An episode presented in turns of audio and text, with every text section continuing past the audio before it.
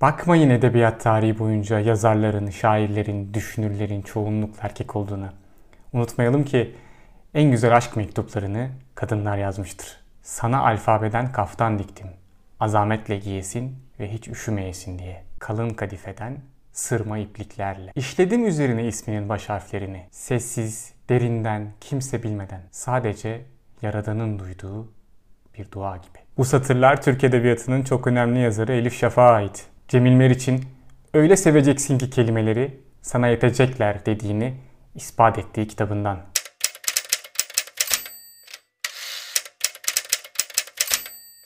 Yeni yılın ilk videosundan herkese merhaba. Umarım iyisinizdir. Hepinize sağlıklı, güzel, mutlu bir yeni yıl diliyorum. Elimde çok güzel bir kitap var.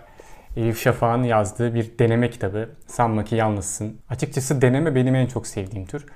Kısa yazılardan oluşuyor bir defa. İkincisi de birçok farklı konuda bilgi sahibi olabiliyorsunuz. İşte Elif Şafak da bu deneme kitabında bizi birbirinden farklı birçok konuyla ve birbirinden farklı birçok yazarla tanıştırıyor. Sizi Edward Said'in limanından alıp Paul Lafarge'ın sularına, Lübnan Halil Cibran'ından her erkeğin içindeki Hemingway'e götürüyor. Yusuf Atılgan, Orhan Veli, Nazım Hikmet, hatta Ahmet Kaya çıkıyor satırlardan. En güzel tarafı da hep övgü beklerler dediği romancıların gizli dünyasını, kendi dehlizini, ve saklı odasını bizlere gösteriyor. Mesela bir denemesinde mutlulukla ilgili bir anısından bahsediyor. Bir konuşmada bir anda pat diye mutlu musunuz diye soruyorlar. Şaşırıyor. O zamana kadar hiç düşünmemiş olmasına kendi de şaşırıyor, okuyucu da şaşırıyor aslında. Ve mutlu muyum bilmiyorum ama en azından mutsuz değilim cevabını veriyor. Mesela bu da mutluluğu insanın yaptığı işlerle ya da sarf ettiği sözcüklerle başkalarını mutlu etme durumudur diyor. Ama Mark Twain ki sivri dilli bir yazar ne kadar akıllıysak mutlu olma ihtimalimiz o kadar düşüktür diyor. Elif Şafak ise edebiyat çevreleri tarafından Modern romanın kurucusu sayılan Fransız Gustave Flaubert'in ekolünden e, onun düşüncesini paylaştığını düşünüyor. E, mutluluk belki mümkün değil ama en azından huzur ve sükunet mümkün diyor. Bir başka denemede evlilikten bahsediyor birazcık. Aslında hepimiz dışarıda görürüz ya yaşlı çiftler elle tutuşur yürürler. Hepimiz böyle imrenerek, e, sevinerek, gülerek bakarız. İşte bir kitap evinde el ele tutuşan yaşlı bir çifte rastlıyor ve o dakika evlilikle ilgili düşünceleri güzel analojiyle kitap evindeki büyük yazarlara soruyor. Rafların arasında uzun evliliklerin sırrını ilk Friedrich Nietzsche'ye soruyor Elif Şafak. Alman filozof diyor ki evliliklerdeki en büyük problem aşk eksikliği değil dostluk eksikliğidir. Oradan Oscar Wilde'a gidiyor. Oscar Wilde Şafak'a ya bırak sen o Friedrich'in saçmalıklarını. İnsanoğlu hep aşık kalmalı hep aşık olmalı. Dolayısıyla hiç evlenmemeli diyor. E bunun üzerine soruyor Elif Şafak. O zaman neden bu kadar çok insan evleniyor? E Oscar Wilde de ona e, erkekler sıkıldıklarından, kadınlar da meraktan evlenirler. E sonunda ikisi de düş kırıklığına uğrarlar. Sonra üst kata Montaigne'in yanına, Denemeler kitabının yazarının yanına gidiyor.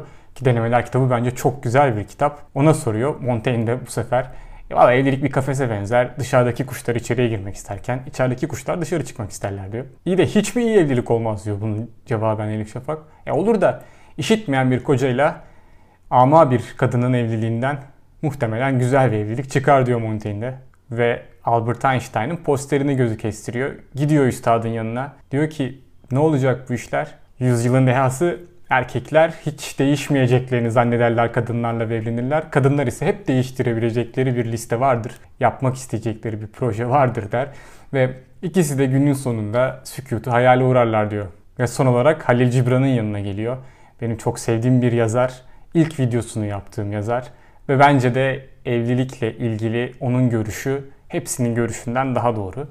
Diyor ki işte bir evi ayakta tutan sütunlar e, birbirinden ayrı dururlar. Aralarından cennetin rüzgarları geçebilir. Siz de evi ayakta tutun ama birbirinizden de biraz ayrı durun. Birbirinize ekmeği verin ama somunu bölüşmeyin. Zira çınar ve servi iki farklı ağaç birbirlerinin gölgesinde büyümezler diyor. Çok güzel bir açıklama. Ben de iki kişinin arasından rüzgarlar geçebildiği sürece merakın evlilik içerisinde kalabileceğini düşünüyorum. Bir başka denemede ki bu da denemelerin en güzel tarafı, özellikle bu kitabın en güzel tarafı. Elif Şafak bizi Nicholas Talep'le tanıştırıyor. Kendisinin kitabı da hatta bende var. E, Siyah Kuğu kitabının yazarı anti kırılganlık üzerine yazdığı bir kitap ve onun hakkında konuşuyor Elif Şafak. İnsanları üç kategoriye ayırıyor Lübnan asıllı Amerikalı yazar. Bir sağlamlar, iki kırılganlar, üç anti kırılganlar. Sağlamlar malum yani her depreme hem artçı şoklara dayanan kişiler. Kırılganlar ise çabuk incinenler. Aman bir şey olmasın ben oraya elimi sürmeyeyim de benim başıma bir iş gelmesin diyenler. Anti kırılganlar ise zaman zaman tökezleyen, e, duvara çarpan, düşen, ardından ancak hemen kalkmasını bilen ve e, hatalardan veyahut da sıkıntılardan bir kuvvet devşirerek çıkanlar. Bunlar sağlamlar gibi değiller çünkü sürekli üst üste darbe yiyorlar. Ama kırılganlar gibi de değiller çünkü çabuk toparlanıyorlar. Yani düzene hızlı adapte olabilip kendilerini toparlıyor. Dizleri yara bere içinde olsa da yürüyor arkadaş bunlar. Ben bu kişileri Rocky Balboa'ya benzetiyorum. Hani ne diyordu filminde olduğuna? Let me tell you something you already know. The world ain't all sunshine and rainbows. It's a very mean and nasty place, and I don't care how tough you are, it will beat you to your knees and keep you there permanently if you let it. You, me, or nobody is gonna hit as hard as life. But it ain't about how hard you hit. It's about how hard you can get hit and keep moving forward. How much you can take and keep moving forward. That's how winning is done. Nicholas Talep bu noktada yelpaze dışına çıkıp e, sağlam olmak öyle çok da matah bir şey değil. Önemli olan anti kırılgan olabilmek. Çünkü sağlam bir kere tokat yiyip düştü mü eyvah onu oradan kaldırmak çok zor. Düşmez ama düşerse kaldırması çok zor. Evet talebe göre doğa da sağlam değil anti kırılgan. Yani onlarca felaket gelmiş olmasına rağmen yaşı itibariyle her seferinde kendinden yeni bir doğa çıkartıp kendini tamir edip devam edebiliyor, adapte olabiliyor. Nicholas Talep bunu siyasete de çok güzel uyarlamış. Şimdi Mısır ve e, Suriye modelini düşünelim.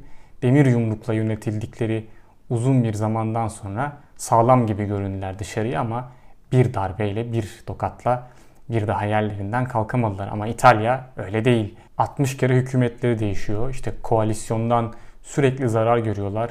E, Napoli'de olan mafya durumları belli.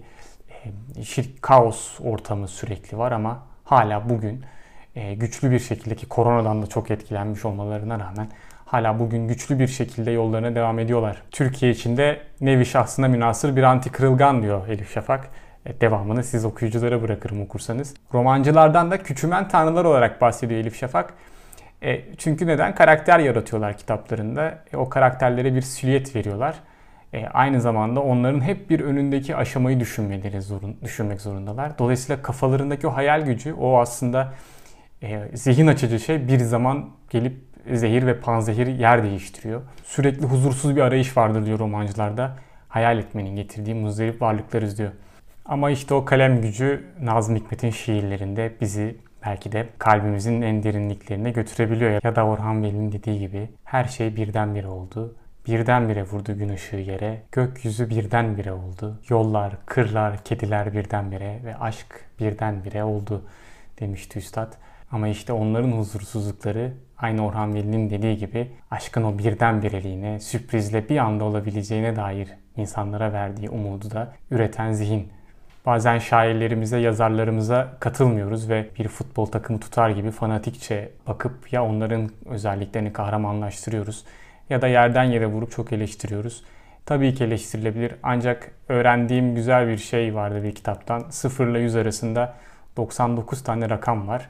İlle 0 ya da ille 100 olmak zorunda değiliz. Bu insan ilişkileri içerisinde de geçerli. İşte bu denemesinde bütün bunları bir araya getirip e, romancılara bakış açısını Elif Şafak biraz anlatıyor. Kitabın son denemesinde ise babasından bahsediyor. Belki de en mahremini açtığı yerlerden bir tanesi. Kimsenin mükemmel olmadığını, dışarıdan bakıldığında da akıllı, güzel, başarılı gözükenlerin görünmeyen bir gölgesi olduğunu söylüyor ve bunu balkona vuran güneş ışığının her zaman dokunamadığı bir gölge olacağını söyleyerek güzel bir benzetme yapmış. İşte Elif Şafak da babasının hikayesinde bir gölge olarak yerini almış. Sonradan tanıştığı kardeşleri güneş ışığında büyürken o gölgede serpildiğini söylüyor. Dünya çapında bir sosyal psikolog olan babası toplumdan insana giderken Elif Şafak tabii bir romancı ve insandan topluma gidip bir karakter heykelciliği yapıyor ve yolları aslında kesişmiyor. Bu benzetmeler tabii ki Elif Şafak'ın kendisine ait. Ve kitabı milattan önce 184 yılında Kartaca'da doğduğu tahmin edilen daha çocuk yaşta e, köle olarak satılan Latin komedya yazarı Terentius'un bir e, sözüyle bitiriyor. Ben bir insanım ve insana dair hiçbir şey bana yabancı değildir diyerek böylece belki de başımıza gelenleri bir nebze olsun normalleştiriyor Şafak. Bana da babam hayatta her şey insanlar içindir oğlum derdi. Ben de onu hatırladım. Tekrar yeni yılınızı kutluyorum. Videoyu izleme nezaketi gösterdiğiniz için teşekkür ederim. Hoşçakalın.